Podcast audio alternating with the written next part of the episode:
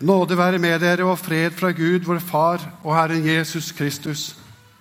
For så høyt har Gud elsket verden, at han ga sin sønn den enbårne, for at hver den som tror på Han, ikke skal gå fortapt, men ha evig liv. Himmelske Far, vi takker deg fordi du skapte oss, kjenner oss og elsker oss. Takk for konfirmasjonstiden. La oss se hva du har gjort for oss, og gjør oss åpne for det du vil gi oss. Velsign denne dagen.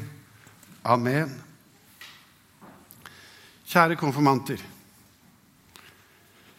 I dag står dere her med hvite kapper. Disse kappene skal illustrere at dere er skjult i Kristus. I Kristi rettferdighetsdrakt. Som barn ble dere båret til dåpen i hvite drakter. Disse var antageligvis altfor store for dere. Det skulle vise at denne rettferdigheten skulle dere vokse i. Dere skulle få leve i den og utvikle dere og vokse og utfolde dere i denne drakten. Nå står du her, og du er skjult i samme drakt. Du skal få lov til å bevege deg fritt i den. Du skal få lov til å kjenne at du er til. Det er ingen tvangstrøye. Det er et sted hvor du skal få lov til å være med hele deg. Et gjemmested som du kan finne tilflukt og hvile i. En borg som beskytter deg imot farer og mot fiender. Enkelte fotballsupportere er visst veldig stolte av sine drakter. Denne drakta, eller denne kappen om du vil, det er ei seierskappe. Alle som bærer denne drakten, rettferdighetsdrakten, er med på det seirende laget. Så skal du få leve ditt liv skjult under Kristi rettferdighet. Bibelens siste bok den forteller oss at de som sto foran den hvite trone hos Gud, de har så stor en skare at ingen kunne telle dem. Hvem er disse, spør det. Jo, det er de som har vasket kjortlene sine og gjort dem rene i lammets blod. De har gjort dem hvite som snø. Derfor er de for Guds trone.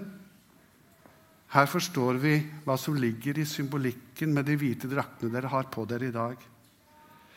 De hvite draktene forteller at vi er tilgitt. Dere er tilgitt på grunn av Jesus soning på korset. Så skal vi reise oss og høre dagens prekentekst, som vi finner i Johans evangeliet, fra kapittel 15, 1-8. Jeg er det sanne vintreet, og min far er vinbonden. Hver grein på meg som ikke bærer frukt, tar han bort, og hver grein som bærer frukt, renser han så den skal bære mer. Dere er alt rene på grunn av det ordet jeg har talt til dere. Bli meg, så blir jeg i dere.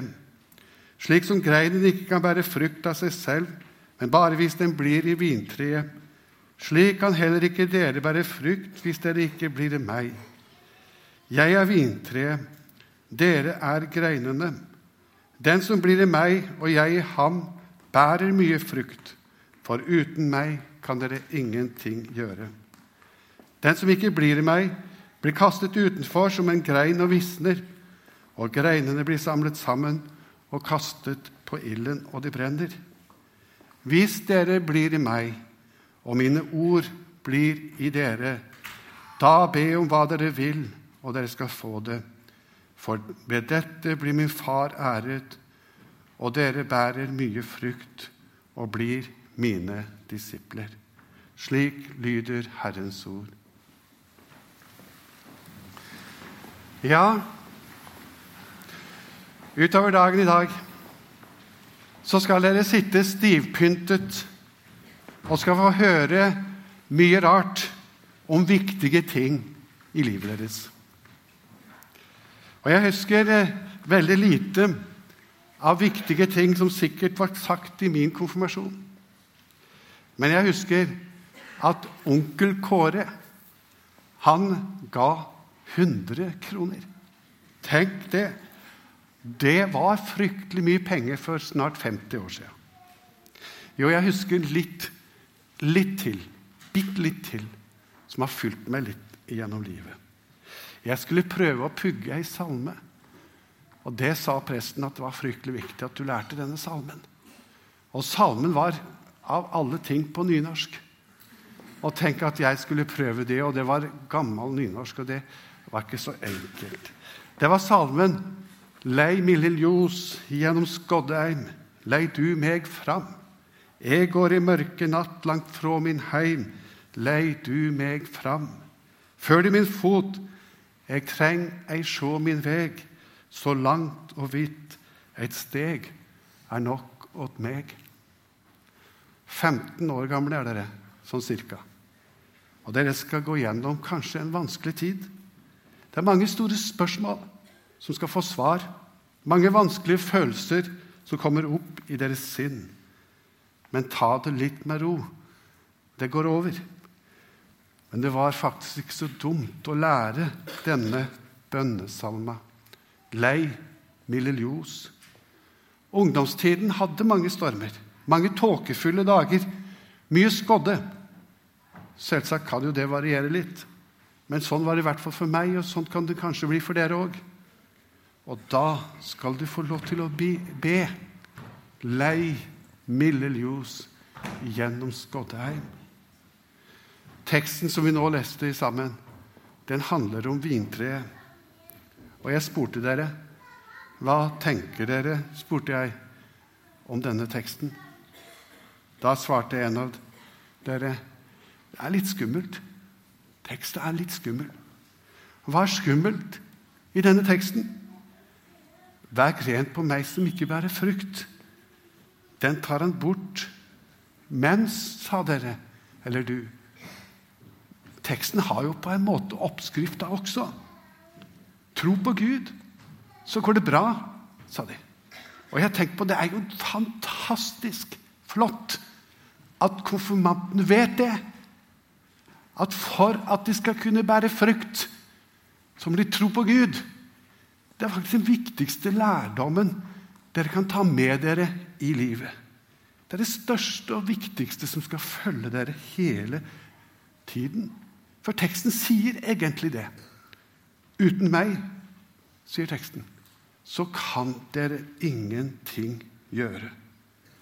Vi er simpelthen avhengig av Jesus i alle livsfaser. Ung som gammel. Bli i meg. For en fordel. For da, sier Jesus, da blir jeg Jesus i dere. Tenk på det. Da kan du be om hva du vil. Og Det er jo fantastisk da å kunne be om hva han vil, og skal få det. Men det som er hemmeligheten her, da er din bønn i overensstemmelse med Guds vilje med Jesus sin vilje, fordi han er i deg. Da bærer dere mye frukt. Og det er jo det som vi håper for dere, og jeg tror dere kommer til å bære mye frukt. Dere kommer til å være nyttige for svært mange med alle de ressursene og det utgangspunktet som dere har. Dere er noen fantastiske personer, og det er veldig godt å bli kjent med dere. bare for å ha sagt det. Og jeg tror at dere ikke kommer til å opp ta jorden, som det sto, til ingen nytte. Den som har funnet Jesus, han har funnet meningen med livet. Jesus er svaret. Og den som har funnet Jesus og er innpodet i ham, han lever ikke forgjeves. Det er fantastisk. Meningen er altså ikke det å leve for seg sjøl men å bære frukt som mange kan få glede av. Jesus han sa noe merkelig en gang. At den som mister sitt liv for min skyld, han skal finne det. Tenk på det. Miste livet for Jesus skyld. Han skal finne det. Og den som blir Jesus, han ærer far, sto det i teksten. Og da blir de altså ikke kastet ut som en gren og visner, altså som en unyttig gren. Og Det vanskelige kardinalspørsmålet, hovedspørsmålet, syns jeg må være hvordan blir vi i Jesus? Og Jeg spurte en ungdomsleder hvordan skal du forklare ungdommen akkurat det. Og Da sa han med en gang det er som et hjul, sa han. Et hjul. Ja, for innerst i hjulet så har det et nav. Og det navet, det er Jesus. Og i dette navet ble du innpodet. I Jesus ble du innpodet den dagen du ble døpt.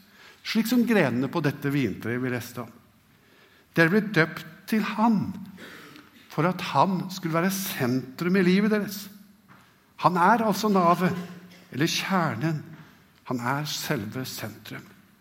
Og Det er forskjellige bilder som brukes om dette, men la oss holde fast ved det bildet om hjulet bitte litt. Hjulets sentrum er altså navet. Og For at hjulet skal fungere, så må det ha noen forbindelse eller eiker utover. Og dette navet har fire eiker som dere skal huske på, og som skal hjelpe dere i livet.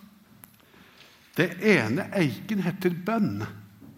Og du skal få henvende deg til Gud og be til Gud i alle tider om alle ting. Det er fantastisk. Den andre eiken heter Bibelen. Du skal få lese og høre fra Bibelen. Troen kommer av det. Bibelen er en bok som har forandret milliarder av mennesker og gjort livet helt endret. Den viktigste bok i tiden. I denne boken så finner du evangeliet, som er Guds kraft til frelse. Også det tredje eiken, det er, kalles for brodersamfunnet, eller forsamlingen. Du skal gå til kirke. Og det er noen som jeg snakka med i denne forsamlingen, som har sagt at 'jeg bestemte meg å gå her'. Uansett. Og jeg skal ha en stor unnskyldning for å ikke gå til gudstjeneste på søndag formiddag.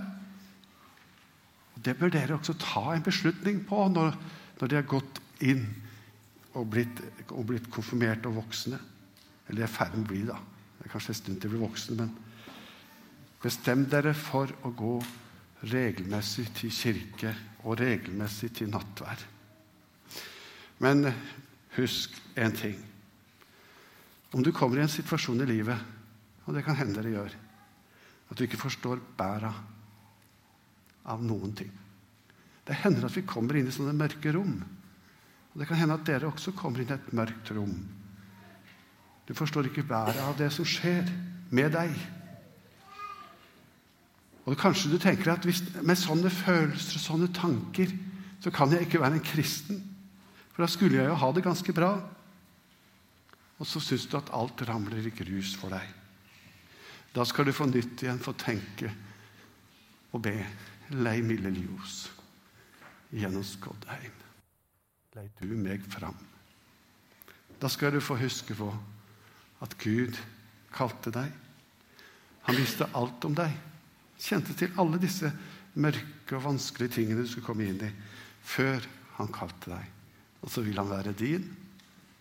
Han vil bo hos deg, i deg, og han er mer interessert i at Guds plan skal lykkes med ditt liv enn du selv kan være.